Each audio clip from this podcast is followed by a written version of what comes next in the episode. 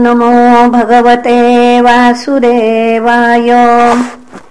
श्रीमद्भागवते महापुराणे पारमहंस्यां संहितायाम् षष्ठस्कन्धे सप्तदशोऽध्यायः। श्रीशुक उवाच व्यतश्चान्तर्हितोऽनन्तस्तस्यै कृत्वा दिशे नमः। विद्याधरश्चित्रकेतुश्च चारगगनेश्वरः सरक्षं वर्षलक्षाणामव्याहतबलेन्द्रियः स्तूयमानो महायोगी मुनिभिः सिद्धचारणैः। कुलाचलेन्द्रद्रोणीषु नानासङ्कल्पसिद्धिषु। रेमे विद्याधरी स्त्रीभिर्गापयन् हरिमीश्वरम् एकदासविमानेन विष्णुदत्तेन भास्वता गिरिशम् ददृशे गच्छन् परीतम् सिद्धचारणैः।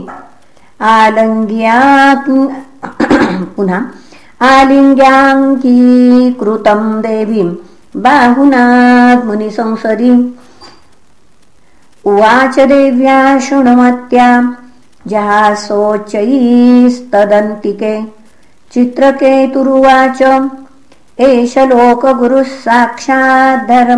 वक्ता शरीरिणाम् आस्ते मुख्यः सभायाम् वै मिथुनीभूय भार्यया।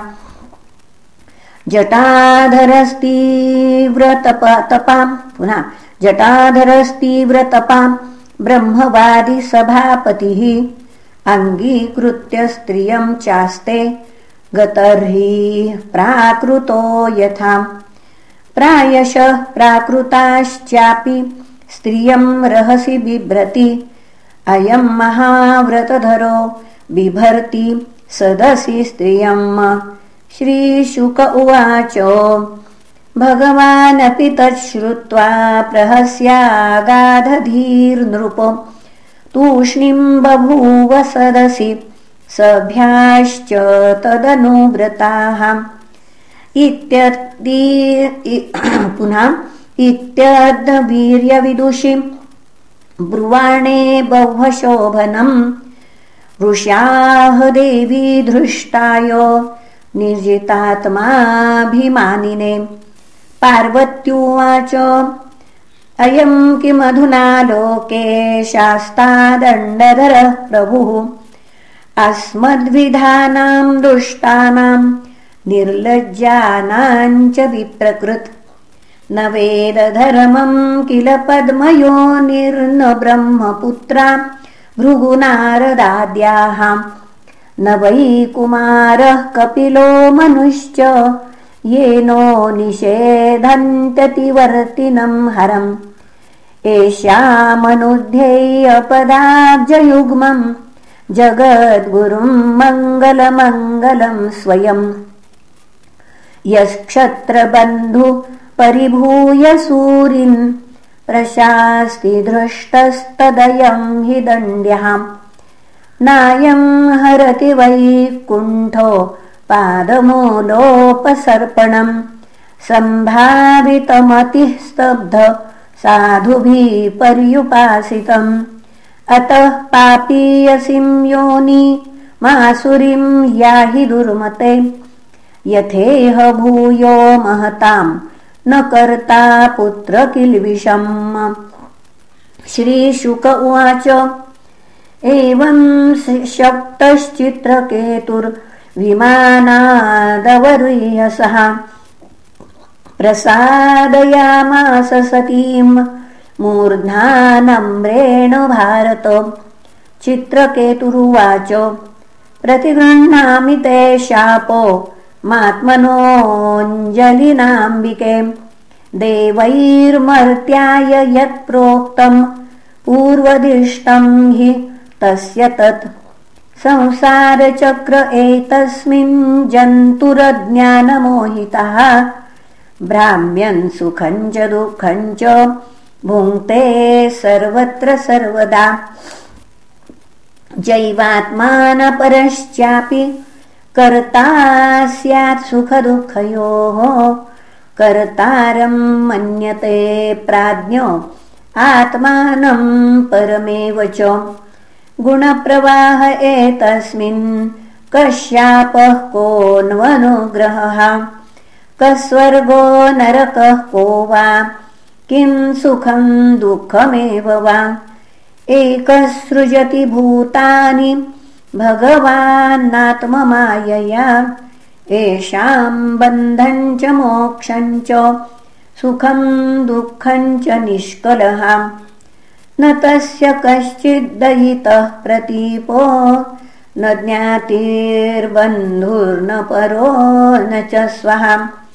समस्य सर्वत्र निरञ्जनस्य सुखेन रागः कुत एव रोषः तच्चापि तच्छक्तिविसर्ग येषां सुखाय दुःखाय हिताहिताय। बन्धाय मोक्षाय च मृत्युजन्मनोः। शरीरिणां संसृतयेव कल्पते। अथ प्रसादयेन त्वां शापमोक्षाय भामिनि। यन्मन्यसे असाधु त्वम् मम तत्क्षम्यतां सति। श्रीशुक उवाच। इति प्रसाद्य गिरिशौ। चित्रकेतुररिन्दम। जगाम स्वभिमानेन पश्यतो स्मयतोस्तयोः। ततस्तु भगवान् रुद्रो। रुद्राणीमिदमब्रवीतम् देवर्षिर्दयित्यसिद्धानां पार्षदानाञ्च शृण्वताम्। श्रीरुद्र उवाच। दृष्टवत्यसि शुश्रोणि हरेरद्भुतकर्मणः माहात्म्यम् भृत्यभृत्यानाम् निःस्पृहाणाम् महात्मनाम्। नारायणपराः सर्वे न कुतश्चन्न बिभ्यति। स्वर्गापवर्गनरकेष्वपि तुल्यार्थदर्शिनः। देहिनाम् देहसंयोगात् द्वन्द्वानीश्वरलीलया। सुखम् दुःखम् मृतिर्जन्म शापोऽनुग्रह एव च। अविवेककृतः पुंसो ह्यर्थभेद इवात्मनि गुणदोषविकल्पश्च भिदेवस्रजीवत्कृतः वासुदेवे भगवती भक्तिमुद्वहताम् नृणाम् ज्ञानवैराग्यवीर्याणाम् नेह कश्चिद् व्यपाश्रयः। नाहं विरिञ्चो न कुमारनारदौ न ब्रह्मपुत्रा मुनयः सुरेशाः विदामयस्येहितमंशकांशका न तत्स्वरूपं पृथगीशमानिनः। न यस्यासि प्रियः कश्चिन्नाप्रियस्व परोऽपि वा।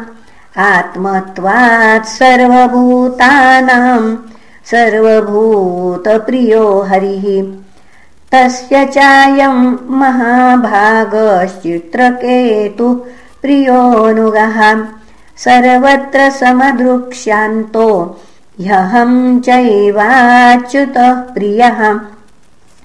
तस्मान्न विस्मयः कार्य पुरुषेषु महात्मसु महापुरुषभक्तेषु शान्तेषु समदर्शिषु श्रीशुक उवाच।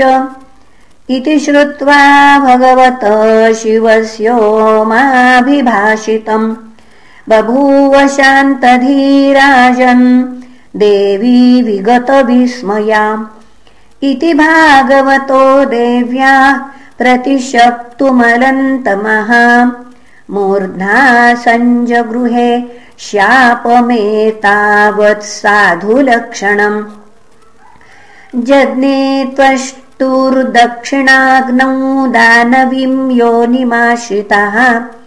वृत्र इत्यभिविख्यातो ज्ञानविज्ञानसंयुतः। एतत्ते सर्वमाख्यातम् यन्माम् त्वम् परिपृच्छसि। वृत्रस्यासुरराजे पुनः वृत्रस्यासुरजातेश्च भगवन्मतेः। इतिहासमिमम् पुण्यम् चित्रकेतोर्महात्मनः। माहात्म्यम् विष्णुभक्तानाम् श्रुत्वा बन्धाद्विमुच्यते। य एतत्प्रातरुत्थाय श्रद्धया व्याज्ञतः पठेत्। इतिहासम् हरिम् स्मृत्वा स याति परमाम् गतिम् इति श्रीमद्भागवते महापुराणे पारमहंस्याम् संहितायाम् षष्ठस्कन्धे चित्रकेतुशापो नाम सप्तदशोऽध्यायः। श्रीकृष्णार्पणमस्तु। हरये नमः हरये नमः हरये नमः